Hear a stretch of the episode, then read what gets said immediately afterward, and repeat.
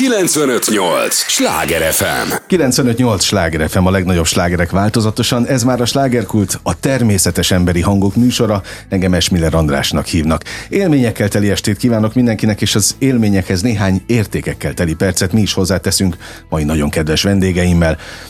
Már megszokhatták, kedves hallgatóink, hogy ebben az órában a helyi élettel foglalkozó, de mindannyiunkat érdeklő és érintő témákat boncolgatjuk a helyi életre hatással bíró példaértékű emberekkel. Izgalmas témával érkeztünk ma is, izgalmas vendégekkel. Érdemes lesz velünk tartani, ne menjenek sehová. És már itt ül velem szemben két nagyon kedves vendég, és azért mondom, hogy nagyon kedves, mert tulajdonképpen most majd, hogy nem egy családi műsor lesz, a, a, a mai előttünk álló közel 60 percben, hiszen egy anyát és fiát köszönthetek nagy-nagy szeretettel. Kezdem a Hölgyel Tátrai Zsuzsa néprajzkutató, nem először jár itt nálunk. Így van. Örülünk. Ünnepeken meg szoktam itt jelenni. Jó, hát most is ünnep van, csak speciális. Majd mindjárt elmondjuk a, az apropót, hogy, hogy mivel érkeztek, és a, a fia is itt van, akit szintén nagy szeretettel köszöntök. Fülöp Attila, a Tátrai Vilmos Emlékalapítvány kuratóriumi na még egyszer, kuratóriumi elnökét ki tudtam mondani. nagy siker. Köszöntöm a hallgatókat én is. Nagy Örülök, tényleg örülök annak, hogy itt vagyunk, mert pont ezen gondolkodtam, amíg jöttem ide autóval, és amíg vártam önöket, benneteket, hogy, hogy azért ez egy rendkívül magasztos dolog, amire most, mert hogy akkor mondom az apropót, hogy tulajdonképpen miért beszélgettünk, pont holnap, tehát a, az adásunkhoz képest egy nappal később, 19 órakor, itt Budapesten a Radnóti Miklós Művelődési Központ koncerttermében születésének 110. évfordulója a Tátrai Bonós 4-es 75 és a Magyar Kamarazenekar megalakulásának 65. évfordulója alkalmából lesz egy tulajdonképpen jubileumi koncert. És akkor minden más most már adom a szót, mert nagyon sokat beszéltem. Köszönjük szépen. Valóban így van, tehát hétfőn este 7 órakor szeretettel várunk mindenkit. Ez egy ingyenes koncert, ez nagyon fontos elmondani a mai világban. Miért volt fontos, hogy ingyenes legyen? Nagyapámnak is mindig az volt a fő érve, hogy azért kell muzsikálni, hogy mindenkihez eljusson a zenének az élménye, és, és ezáltal a zene szeretete. És mi is való ezt szeretnénk megvalósítani itt a 110. évfordulón, hogy mindenki, aki szereti a komoly zenét, a kamarazenét, eljöjjön és, és gyönyörű szép műsort hallgasson. Azt el kell mondani, hogy Tátrai Vilmos hegedűművész a 20. századi magyar zenei élet egyik valóban meghatározó művésze. És azon gondolkodtam szintén, amíg készültem erre a, a műsorra, hogy ha ő élne, akkor milyennek ítélné meg? Hát most azokat kérdezem, akik valóban ismerték őt, a mai világot, a mai zenei életet. Hát nem ismerték. tudom, mit szólna ehhez. Egyébként azt Hol meg tartunk? kell említenem, hogy itt vagyunk a Sláger Rádióban. Apám mindig azt mondta, hogy csak kétféle muzsika létezik, a jó és a rossz. És ő maga Aha.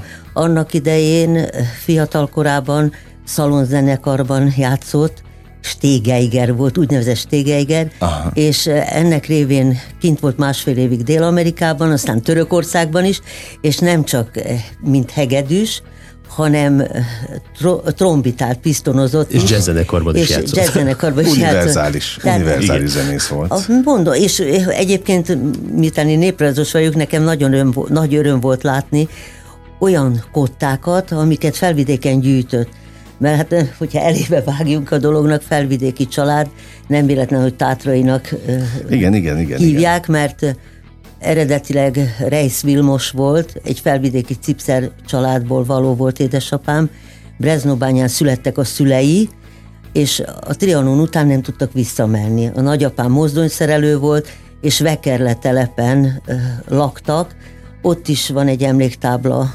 apám valóban ott született, uh-huh. Vekerle telepen. És ugye annak idején a Mávó zenekarba bekerült gyerekként, és rendkívül tehetséges volt, mert már hat éves korában felfedezték uh-huh. azt, hogy, hogy milyen jó muzsikus. Lehetett Tehát egyébként akartam... őket zseninek hívni abban az időszakban? Szerintem igen, tehát később ma már ezt úgy mondják, hogy a fiatal tehetségek osztálya a Zenakadémián, ahova Aha. ugye 10-12 évesen bekerülnek, és nagyapám 6 évesen kezdett el hegedülni, és tulajdonképpen 10 évesen már a Mávag zenekarában játszott, és ezzel kapcsolatban van egy kedves sztori, hogy József főherceg volt ott az egyik koncerten, és a himnuszt játszotta el a nagypapám hegedűn ráadásként, és oda ment hozzá a főherceg, és gratulált neki, és a, egy idősebb zenésztárs azt mondta a nagyapámnak, hogy látod, Vilikém, a zenével megnyílnak az ajtók a főhercegek, nemesek előtt, és te is majd mindenhova oda tudsz jutni, akik szeretik a szép zenét, ami később írta a nagyapám a könyvében is, hogy megvalósult, mert a belga anya királynőnek mhm. játszott, uh-huh. köztársasági elnököknek játszottak, tehát valóban. Tehát a zene egy fontos híd. Igen. Több, több funkciós egyébként. Így van. Azt mondta nekem, nem egy klasszikus zenész, hanem egy, egy, egy könnyű zenész, hogy a gazdagokat meg a, a zenészeket, vagy a showbizben dolgozó művészeket az köti össze, hogy a gazdagok nagyon szeretnének oda tartozni. Tehát befogadják a művészeket is, jobban szeretik őket. Tehát akkor ez majd, hogy nem arra haj az a, az előbb hallott. Jó, persze az sokkal nemesebb, meg, meg természetesen fentebb pozícionáltabb, de, de, de valahogy úgy van, hogy összeköti a híd a, a, a különböző társadalmi rétegeket is. Így van egyébként, mert a, ugye az előbb az volt a kérdés, hogy mit szólna apám a mostani világhoz. Hát kér, Ugye régen az volt, rá. hogy az orvosok házi zenéltek, tudtak zongorázni, hegedülni, csellózni, és apám gyakran házi muzsikált velük, és tulajdonképpen a törzs közönséget ők alkották. Uh-huh. Nem volt olyan koncert, hogy ne lettek volna ott, hogy ne, utána nem mentünk volna el egy vacsorára együtt a család velük, tehát ezek főleg orvosok uh-huh. voltak. Én nem tudom, hogy a mai orvostársadalomban van-e még ilyen, hogy házi muzsikálnak. Ugye maga kiszolgálja. Hát az a baj, hogy, hogy kiszolgálják az embert. Uh-huh. Hát a rádió, a televízió, egyáltalán az internet, mindenki Jó. maga kedvére. El vagyunk kényelmesedve is ilyen szempontból? Igen, igen, én azt hiszem, hogy feltétlenül el vagyunk kényelmesedve. Uh-huh. És uh, rengetegen voltak egy-egy kamarazene ugye apám az 50-es években nem engedték őket ki Magyarországról, nem lehetett utazni. Tehát hihetetlen hatalmas De repertoár. Nem, nem, nem, nem. Tehát ez érdekes dolog, hogy a, amikor az alapítványt létrehoztuk, akkor utána a történelmi levéltárba elmentem, és kiderült, hogy állandó megfigyelés alatt volt itthon is. Hát a szokásos. Külföldön Aha. is, és jelentettek róla, hogy Mármint éppen, az akkori szokások. Igen, igen hogy, hogy éppen miket mondanak a külföldi koncerteken, tehát mindig volt egy beépített ember, aki... Ő nem tudta ezt? Tudta, tudta, mert sejtette. családi legendák vannak arról, hogy amikor mege, megérkeztek külföldről, akkor egyszer csak csöngettek, és azt mondták, hogy... Hát nem családi legenda, ennek, ennek sajnos tanulja voltam. Hogy, hogy otthoni vámvizsgálat. NDK-ban voltak, NDK-ban voltak a szüleim, együtt kivételesen anyámat is, mert ugye nyugatra nem lehetett uh-huh. kivinni, NDK-ban voltak, és egyszer csak csöngettek, és megjelentek utólagos vámvizsgálat címén, hogy az apám nem tudom én milyen harisnyákat, vagy miket csempészett be. Magyarországra ráadásul apám nem egy ilyen típusú ember Még volt. ha aranyakat csempészett volna.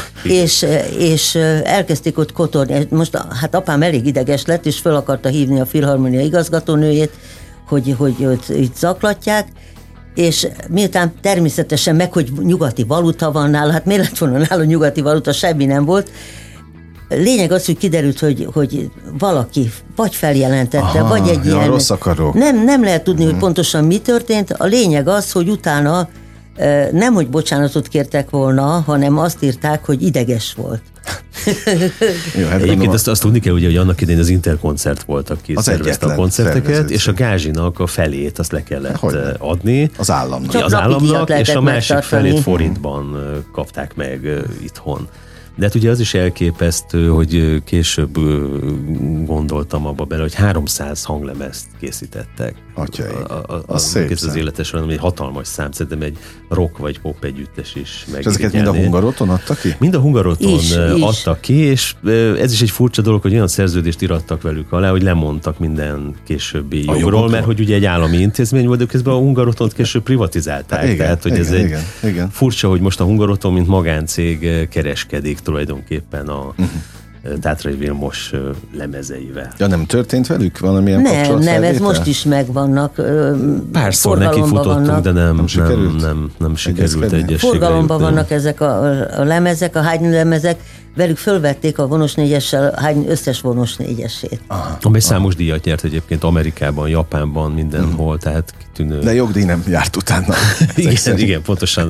Azt, azt Na, nem én esküszöm, ez nem egy bulvár műsor itt a Sláger fm de hát önök ti dobtátok fel a, a témát, akkor hadd kérdezzem meg, most akkor volt hadisnyert csempészet, vagy nem volt? Ilyen sose volt. Nem volt. Apám Aha. ráadásul ebben rettenetesen erkölcsös ember volt, és, és én nem is tudom, hogy lehetne meghatározni, mit lehet mondani nagypapáról, hogy a szakmájában nagyon szigorú volt, és nagyon sokan mondták, hogy emiatt ellensége is voltak, mert a nagyapámnak az volt az elve, hogy a zenekadémián is megmondta őszintén amit gondolt. A, a tanítványnak, amit gondolt, hogy vagy azt mondta, hogy hát ne haragudj belőled, nem lehet szólista, hanem egy zenekari tag lehetsz, mert nincs meg hozzá a tehetsége. Aha. És hát azt, kíméletlen Igen, és ő azt mondta, hogy szerinte ez fontos, hogy valaki ne egy álomvilágban éljen, hanem tudja, hogy a, a hatalmas szorgalom mellett milyen tehetsége van. Mert Aha. mindig azt mondta, hogy a szorgalom, a munka és a tehetség, ez a hármas. Ez így együtt. Igen.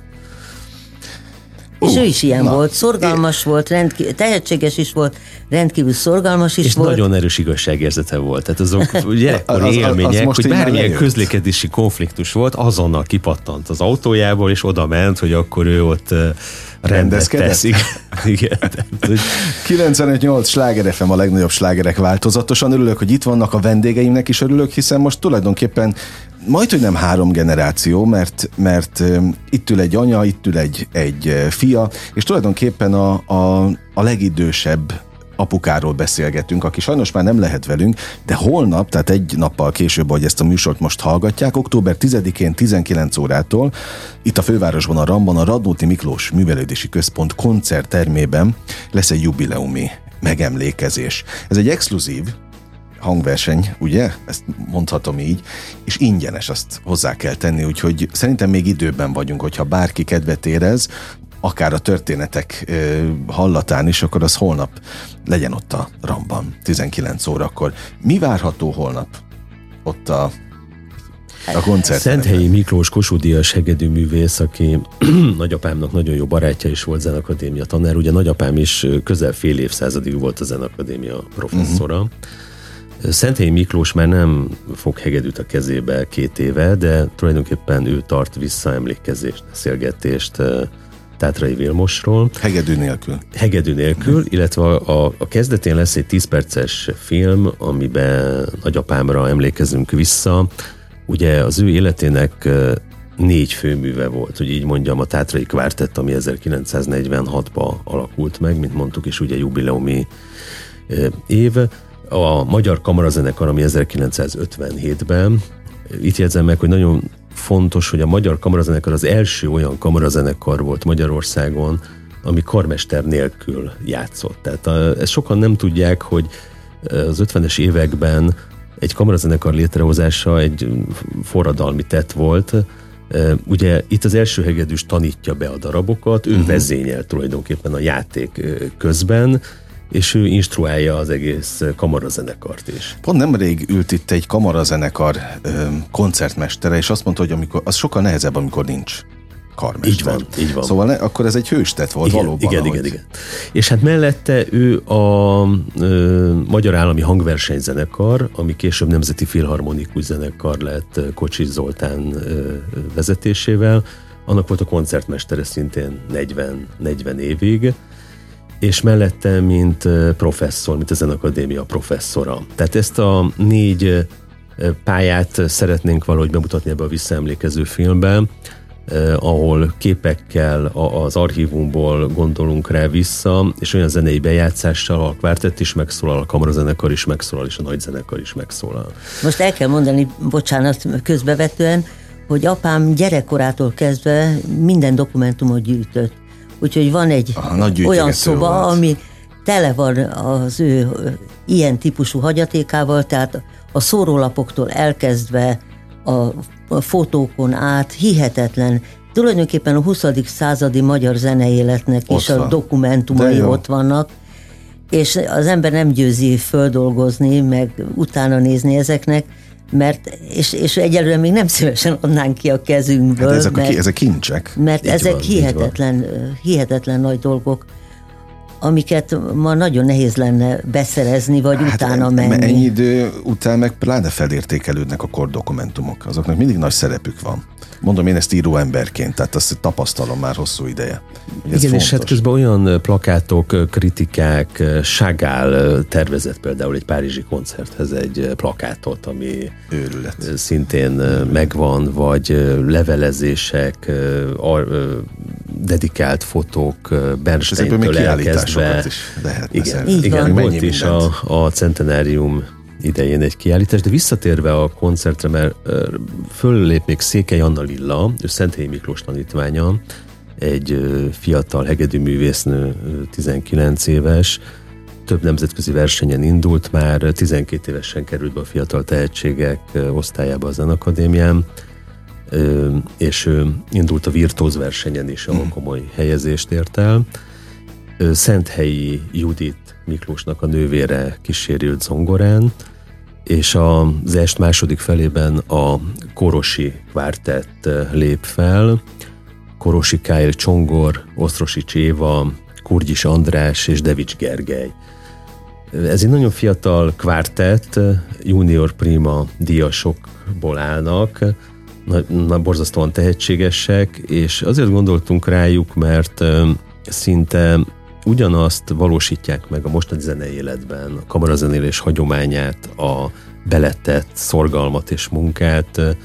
Ők a Bartók versenyen külön díjat kaptak most, ugyanúgy kortárs darabokat mutatnak be, mint nagyapámék. Ugye nagyapámék kb. 300 kortárs darabot mutattak uh-huh. be volt a olyan, pályafutásuk alatt. Igen, volt olyan uh, Kodály vonos négyes, amiket ők, ők mutattak be legelőször. Ah. Úgyhogy a tanár úr Kodály Zoltán is ott volt végig, és uh, ebből is van egy jó történet, hogy... Az a, az a uh, triószerenád volt, hogy amikor már nagyon beteg volt az Emma néni, akkor fölmentek a kórházba, és eljátszották azt az egyik tételét, amiről az derült volna ki, hogy azt az Emma néni, az fantasztikusan jó zeneszerző volt Kodálynak az első felesége, Aha.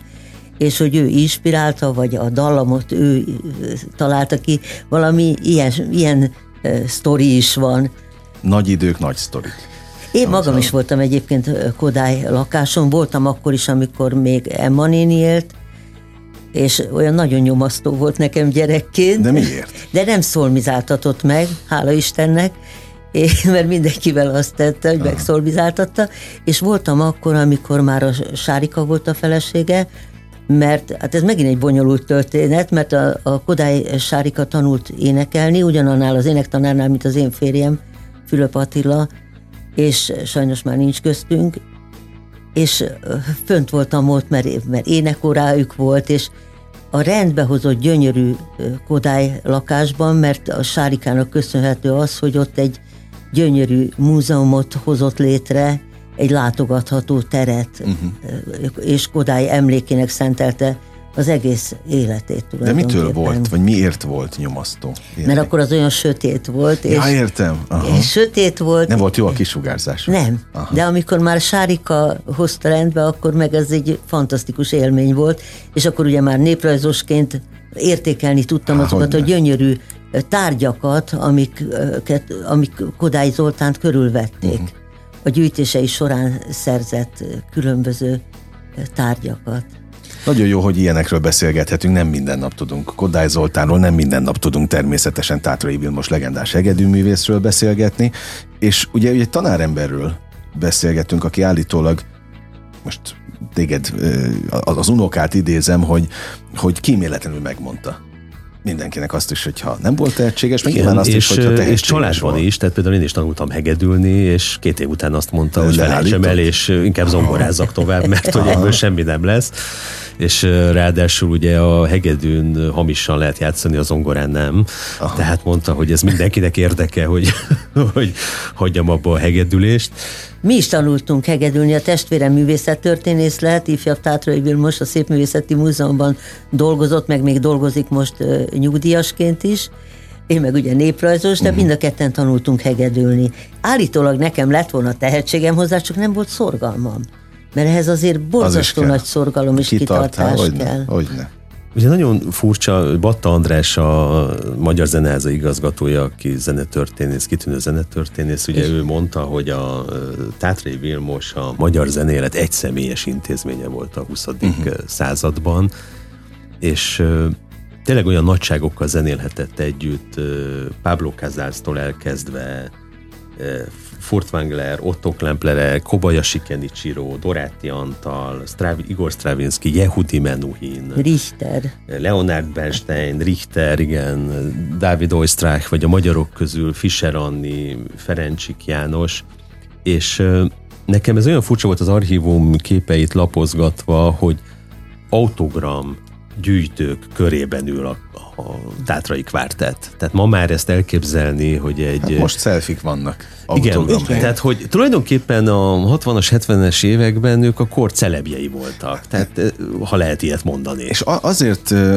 fontos jelenség ez, meg, meg lélektanilag is egy fontos téma, itt ugye estéről estére művész emberek ülnek ebben a műsorban, és a színészek is azt mondják, hogy már nem feltétlenül az a korszak van, amikor várják őket előadás Igen. után. Igen. Régen volt, de most már nem, már annak az a furcsa, hogyha ott vannak és várják Igen. őket, az már egy ilyen... Na és tehát ház volt, tehát ott vannak a, a képek tanúskodnak arról, hogy fönt a pódiumon ültek a Zeneakadémián az emberek, az orgonaülésen végig a pódiumon ültek, olyan, olyan rengetegen voltak, és amikor a, a Magyar Kamarazenekarnak az első koncertje volt 1957-ben, hát én is ott voltam, minden szám után három ráadást kellett adni. Azt a fajta lelkesedést, aha, aha. azt a fajta azt a fajta örömet, amit a zene szerzett az embereknek, kihaltak.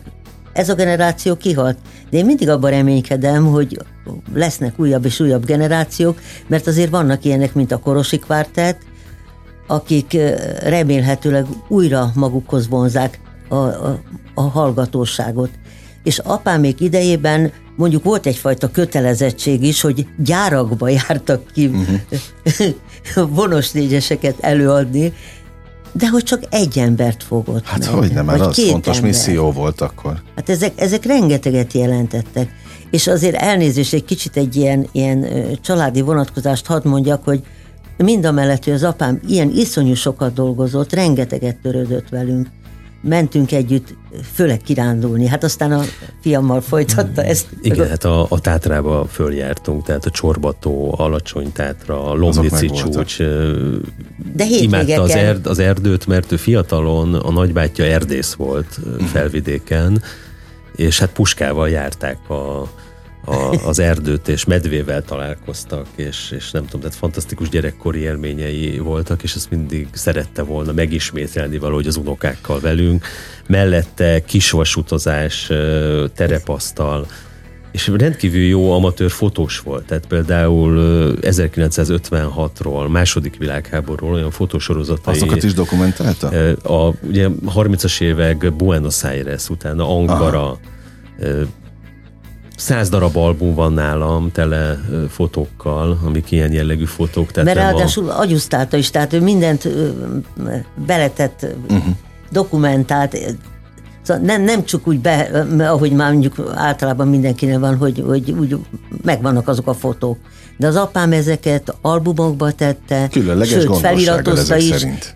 Nem tudom mikor egyszerűen nem hogy tudom, hogy, hogy ezt ideje? hogy csinálják. Igen, és honnan volt ideje, tehát ez, ez, és, és nyitott volt minden technikai újdonságra, tehát a 99-ben hunyt el, de valamikor ott a 90-es évek elején még számítógépet vittem neki, és használta, Komolyan? igen, és, és érdeklődött Őrület. iránta, hogy hogy Őrület. működik, tehát hogy ő, ő valahogy nem csak a zenében az újdonságokra, vagy a kortárs zenére, hanem a technikai dolgokban uh-huh. is nyitott volt mindig. Na nagyon örülök, hogy beszélgetünk. Millió kérdésem van még, mert rengeteg téma dobál, lett feldobálva a levegőbe, le is fogom mindet csapni. A következő részben, úgyhogy arra kérem önöket, benneteket maradjatok, maradjanak velünk. A hallgatóknak már nem mindig mondom, hogy az idejük a legdrágább, és azt kérem, hogy adják nekünk a következő blogban is. Egy lélegzetvételnyi szünetre megyünk csak el, aztán folytatjuk a slágerkultot. 958! Sláger FM! Mondtam, hogy nem kell ránk olyan sokat várni, már is itt vagyunk a következő résszel. Kedves hallgatóink, 958 Sláger FM a legnagyobb slágerek változatosan.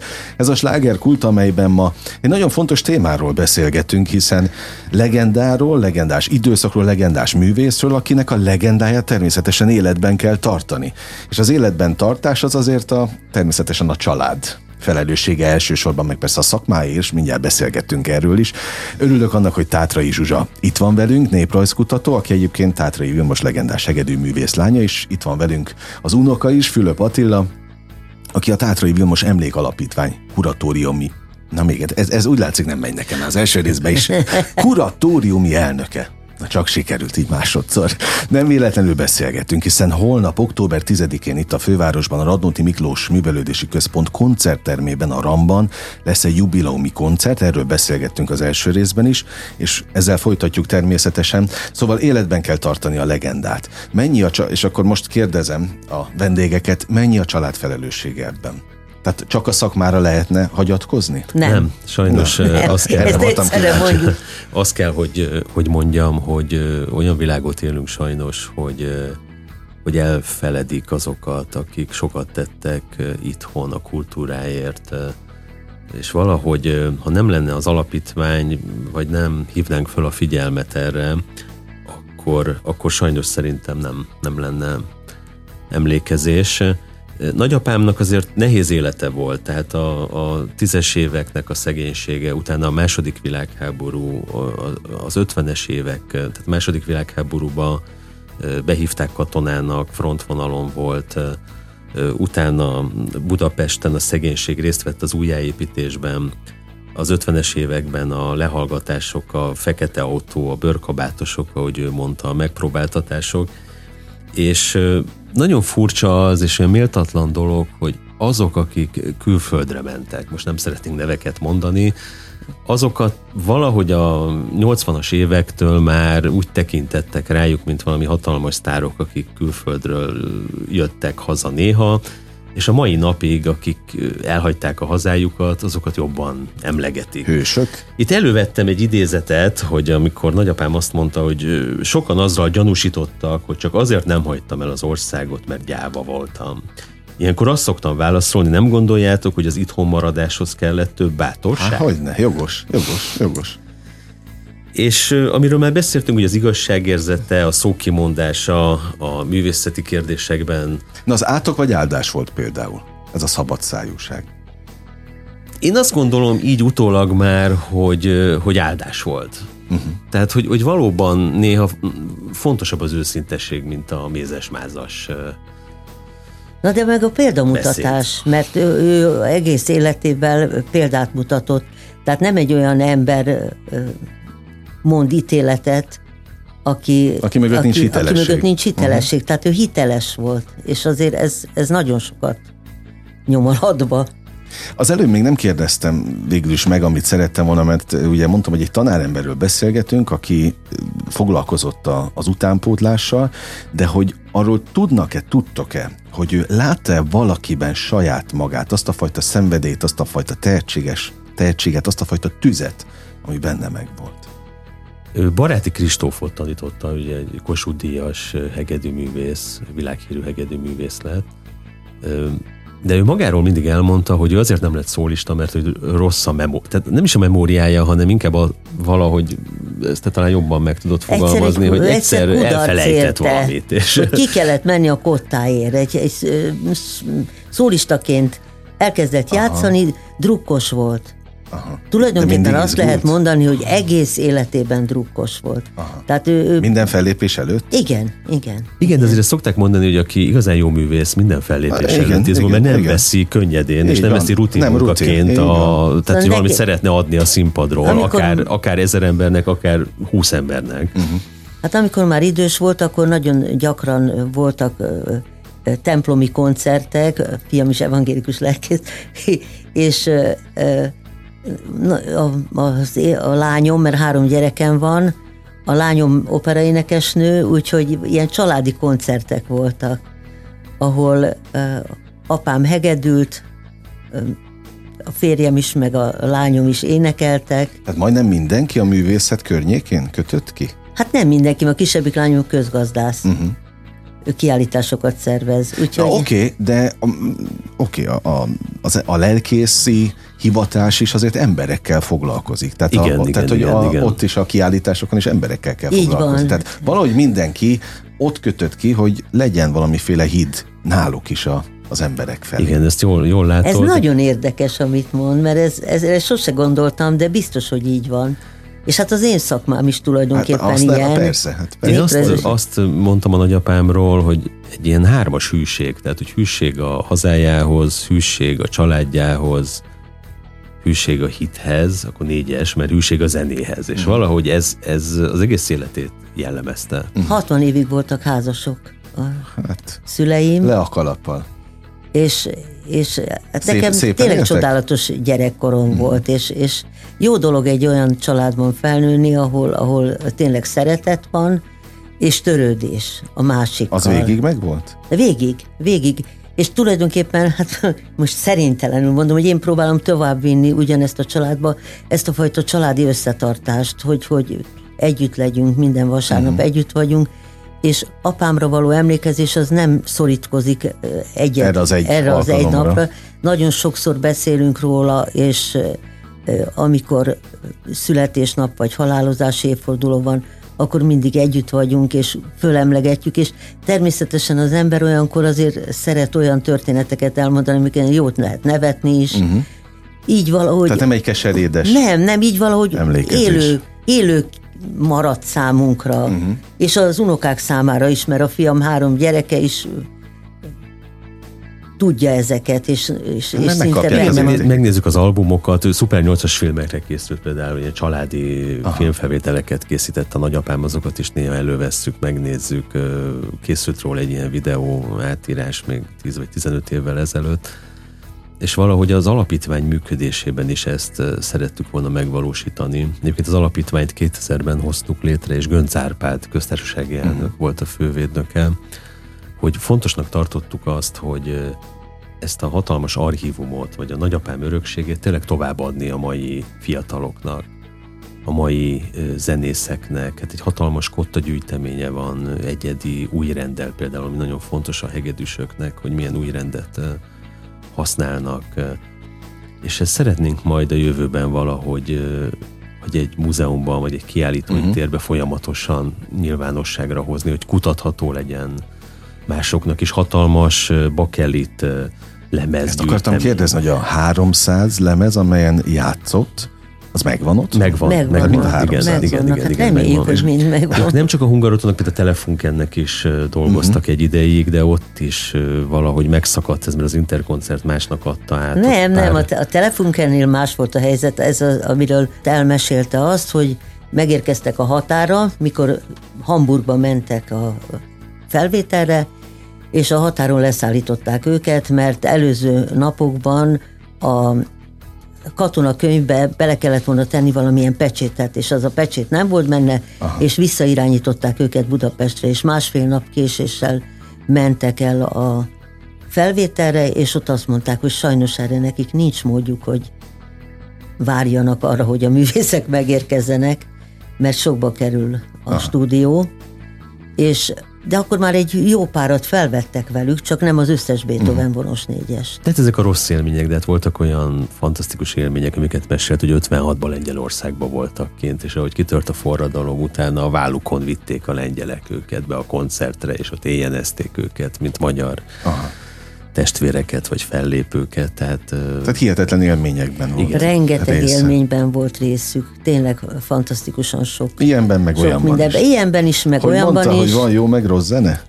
Hát akkor van igen, jó, meg igen, rossz élmény. Így van. És, van. és valahogy ők a Tátrai vonos négyesben azért el kell mondani a tagokat, tehát a, a, a híressé vált 70-es, 80-as években Várkonyi István, második hegedű Konrád György, Brácsa és Banda Ede cselló, hogy ők jó barátok is voltak, tehát éppen mesélték, hogy a kvártettel turnéztak külföldön, és a szálloda portájára érkeztek, és kérdezték tőlük, hogy akkor ők egymás mellett kérik-e a szobákat. Mondták, hogy természetesen, hogy, hogy miért kérdezik, mert hogy itt van egy másik vonos négyes, Magyarországról elszármazott kvártett, most nem említünk neveket, uh-huh. mert hogy ők külön emeletre kértek szobákat, mert annyira nem tudják egymást elviselni.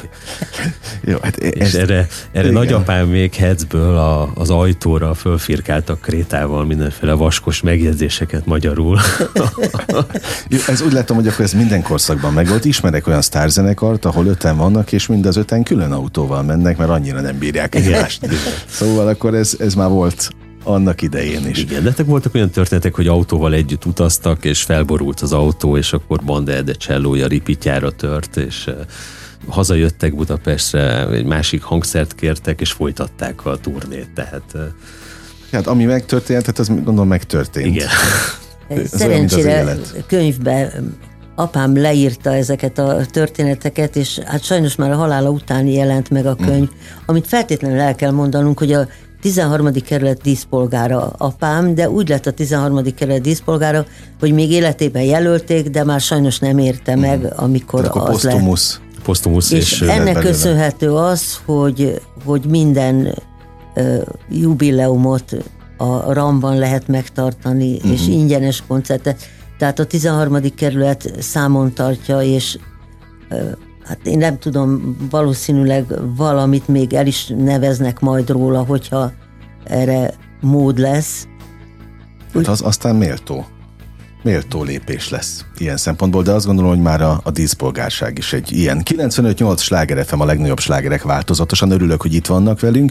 Ez a slágerkult, amelyben Tátrai Vilmos legendás hegedűművésszel ről beszélgetünk természetesen, hiszen holnap, ezt nem győzöm hangsúlyozni, október 10-én 19 órától mint azt elmondtuk többször, ingyenes jubileumi koncert a Radnóti Miklós Művelődési Központ koncerttermében. Úgyhogy aki igényes muzsikára vágyik, és egy minőségi estére az mindenféleképpen legyen ott holnap este 19-kor a Ramban. Ugye azt megbeszéltük, hogy a családi visszaemlékezéseken nincsen. Nem a fájdalom a, a fő érzés, vagy érzelmi ö, rengeteg, hanem azért a vidám percekre emlékeznek főleg. Milyen, na, ilyen szempontból milyen lesz a holnapi koncert? Milyen szokott lenni? Én remélem, hogy szép és felemelő lesz, és a filmben is uh-huh. az emlékezés szép és felemelő lesz. A fiatal hegedű művésznő Székely Anna Lilla egy bizé átiratot ad elő hegedűn, a Korosi Kvártett Bartók 5. vonos négyesének első tételét és Mozart Dissonance C-dur kvártettjét. Egy nagyon szép műsor lesz, szerintem.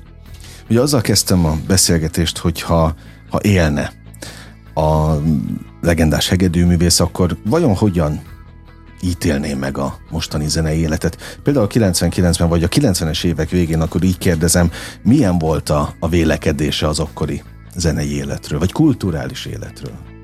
Akkor nagyon örült annak, hogy, hogy változások vannak, nagyon örült annak, hogy az emberek utazhatnak, hogy lehetőség van arra, mert hiszen még Csehszlovákiába se lehetett csak útlevéllel menni. Hát én tudom, én Salgótarjánba jövök alapvetően, ahol ugye ott volt a határ, és mindig mentünk ki ruszlit venni, meg, meg mindenféle olyan Igen. csokit, amit itt nem lehetett Magyarországon A család is úgy utazhatott, ugye édesanyám mesélte, hogy mindig valakinek itthon kellett maradni. Tehát egyszerűen nem kaptak négy útlevelet. Ja, arra én már nem emlékszem. Nyugatra. Nyugatra, Nyugatra egyáltalán tehát, hogy nem lehetett. Csak amikor engem fölvettek az egyetemre, akkor én voltam a túsz, akinek itthon kellett maradni, és soha nem tudtunk együtt kiutazni. Szóval uh-huh. az, hogy mi négyen elmenjünk Nyugat-Európába, ilyen, ilyen nem. Uh-huh. Nem Tehát ő borzasztóan örült annak, hogy szabadság van, borzasztóan uh-huh. örült annak, és mindig mondta a fiataloknak a Zenakadémián, hogy ti már nem lesztek bezárva. Tehát, hogy itt a lehetőség, hogyha valaki tehetséges, akkor a világban is meg tudja mutatni, uh-huh. hogy mennyire tehetséges, és hogy ez egy fantasztikus dolog, de ugyanakkor én úgy vettem észre, hogy mind a jazz zenében, mind a pop vagy rock zenében ő tényleg, ami jó muzsika volt, a, hát ugye mellette hallgattuk, amikor együtt autóztunk, azért nem csak klasszikus zenét hallgattunk, és akkor mindig megjegyezte, hogy nem tudom, ez milyen, milyen jó dallam, milyen jó uh-huh. harmónia, tehát hogy őt nem zavarta az, hogy könnyű zene. Tehát nem volt ez a kategória, hát, hogy szomorú volt... zenészek és oh, vidám jó, zenészek, okay. hanem, hanem ő tényleg szerette a jó zenét. Mert hogy abban is volt jó zene, igen, abban igen. is. Na, időskorban tanult meg autót vezetni, Komolyan? mert nem volt arra pénze, hogy kocsit vegyen, mert hiába volt világhírű muzsikus, nem voltunk olyan anyagi körülmények között, hogy erre sor kerülhetett volna, és a nagyanyám autógyeremény betétkönyvben egy moszkvicsot nyert. Na. És akkor apám, hát mennyit, mert már 1968-ban volt. Úgyhogy, és azért tanult meg és azért vezetni, mert lett vezetni, egy moszkvics És gyerek. tulajdonképpen élete végéig vezetett. De jó. És nagyon szeretett autót vezetni. De mennyi idős volt egyébként, mikor megtanult, mikor letett a Hát ez ki kéne, 12-ben született, és 68-ban 56 éves. Na, 56 éves volt, Abban igen. az idő, vagy életkorban, amikor általában már nem nagyon szoktak. De ő rengeteget biciklizett, sportolt, focizott, uh-huh. arra volt mindig büszke, hogy ő kapus is volt. Tehát az fontos egy, volt egy, Nagyon jó géneket örökölt, remélem, hogy én is örökölök be valamit belőle. Ebben reménykedem. Focizott és kapuban állt, és el is tört az orra, amit mindig elmondott nekünk, mert úgy találta el egy labda, labda? hogy össze, igen, összetört igen. az orra, de remekül futballozott egyébként, és nagyon szeretett sportolni és hát van egy kedves történet Puskás öcsivel kapcsolatban, ugye mind a ketten kispesti születésűek uh-huh. voltak, és valahogy ismerték egymást, vagy tudtak egymásról, és összefutottak egyszer külföldön, és Puskás öcsi mondta neki, hogy Vili bátyám, mikor állsz újra kapuba, mert hajrom, hogy remek kapus vagy, mikor rúghatnék neked pár labdát. Mire nagyapám mondta, hogy öcsi majd akkor, hogy odadom a hegedűmet, és eljátszod a kedvenc nótádat. Tehát, Minőségileg. Tehát valahol a sport és a, a, a zene így, összekapcsolódott az ő életében is.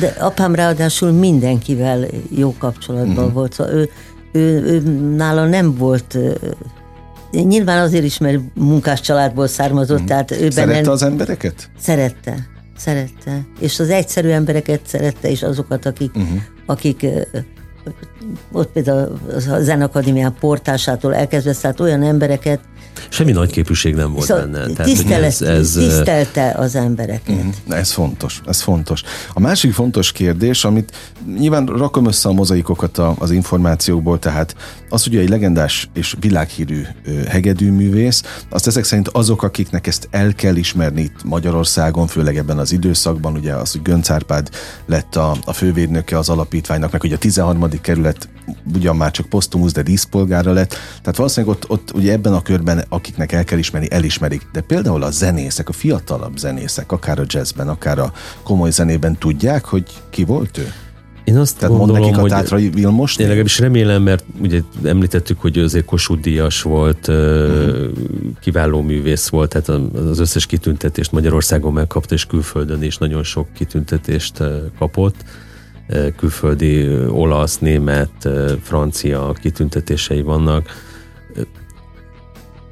Azt remélem, hogy azért a fiatalok ismerik, tehát például a Korosi Kvártettel, amikor beszélgettünk, akkor ők mondták, hogy nekik egy név a uh-huh. szakmában, hogy így mondjam. Tehát egy legendás. A, a Tátrai Kvártett, és egy olyan etalon a, a Tátrai Kvártett, amit amikor a lemez felvételéből lehet tanulni, tehát a, hogy hogyan játszottak, hogyan zenéltek, mert ugye a kvártetnél is egy-egy zenedarabot nagyon sokfajta módon elő lehet adni, különböző ritmussal, különböző gyorsasággal, hogy így mondjam, vagy, vagy tempóval, tempó a jó szó erre.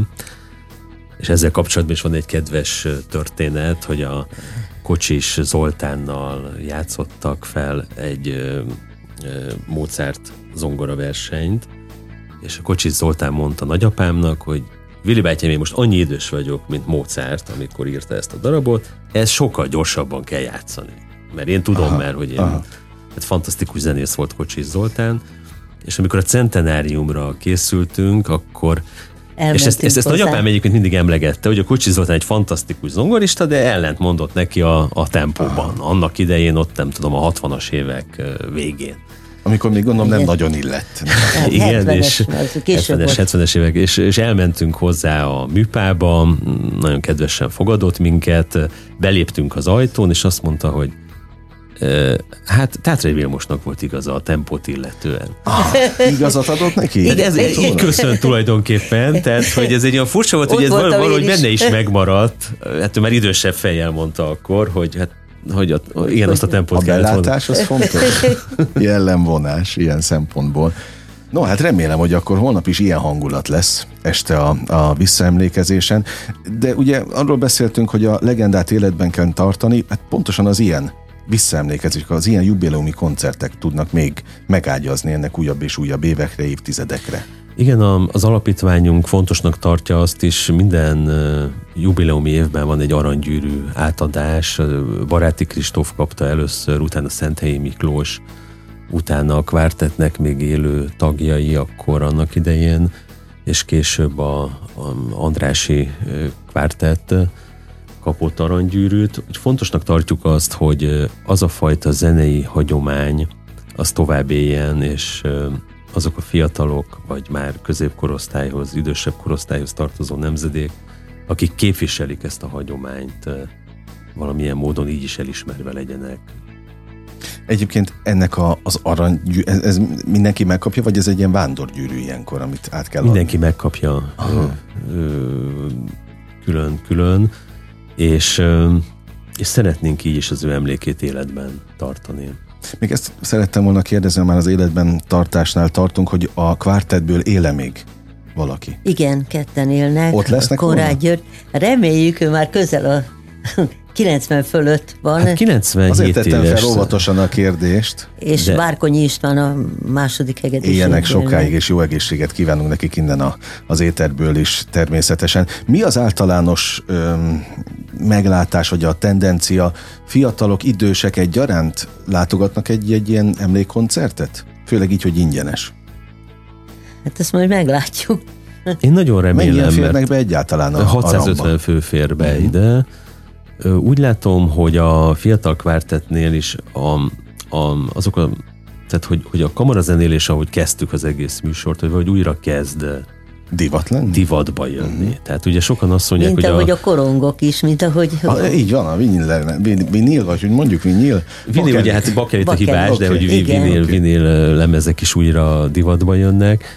És mint említettük, hogy, hogy régen az orvosok, az egyetemi tanárok, tehát hogy a, a kamarazenélésnek az öröme. Tehát, uh-huh. hogy egy hangszert fogsz a kezedbe, és előadsz valamit. Annak és a, értéke van. Annak értéke van. És, és a nagyapám ugyanúgy, amikor voltak ezek a házi zenélések, beült az orvosok közé, egyetemi tanárok közé, és ő is játszott, mert uh-huh. nem érezte derogálónak, hogy esetleg rosszabb hangszer tudással játszó emberek között zenél, de a, a, a muzsikának az élménye erősebb volt. Uh-huh. Jó, hát az értékteremtés és az érték megőrzés szó jut most eszembe a a beszélgetésünk végén, meg a holnapi koncert apropóján. Ugye nagyon köszönöm azt, hogy beszélgethettünk, egy időt utaztunk. Időt utaztunk, de, de nagyon-nagyon izgalmas volt, és holnap, aki kedvet kapok, 19 órakor, tehát ingyenes a koncert itt Budapesten, a Ramban, a Radótni Miklós Művelődés Központ koncerttermében. Adózzon Tátrai Vilmos legendás hegedű művész emlékének, mert hogy megidézik a, a, a művészetét, meg az egész, hát ahogy nekem most átjött az emberségét holnap. Nagyon köszönjük. köszönjük nagyon köszönöm még egyszer Tátrai Zsuzsának és Fülöp Attilának a mai műsort, és hát természetesen a hallgatóknak is, mert hallgatók nélkül műsor sem lenne, mint ahogy Természetesen koncert sincs, látogatók nélkül, úgyhogy holnap is várom önöket, most bezárjuk a slágerkult kapuját, de ne felejtjék, holnap ugyanebben az időpontban ugyanitt újra kinyitjuk. Köszönöm az idejüket, mindig mondom, hogy ez a legfontosabb, amit adhatnak. Élményekkel és értékekkel teli perceket, órákat kívánok az elkövetkezendő időszakra is. Engem Esmiller Andrásnak hívnak, vigyázzanak magukra. 958! Sláger FM!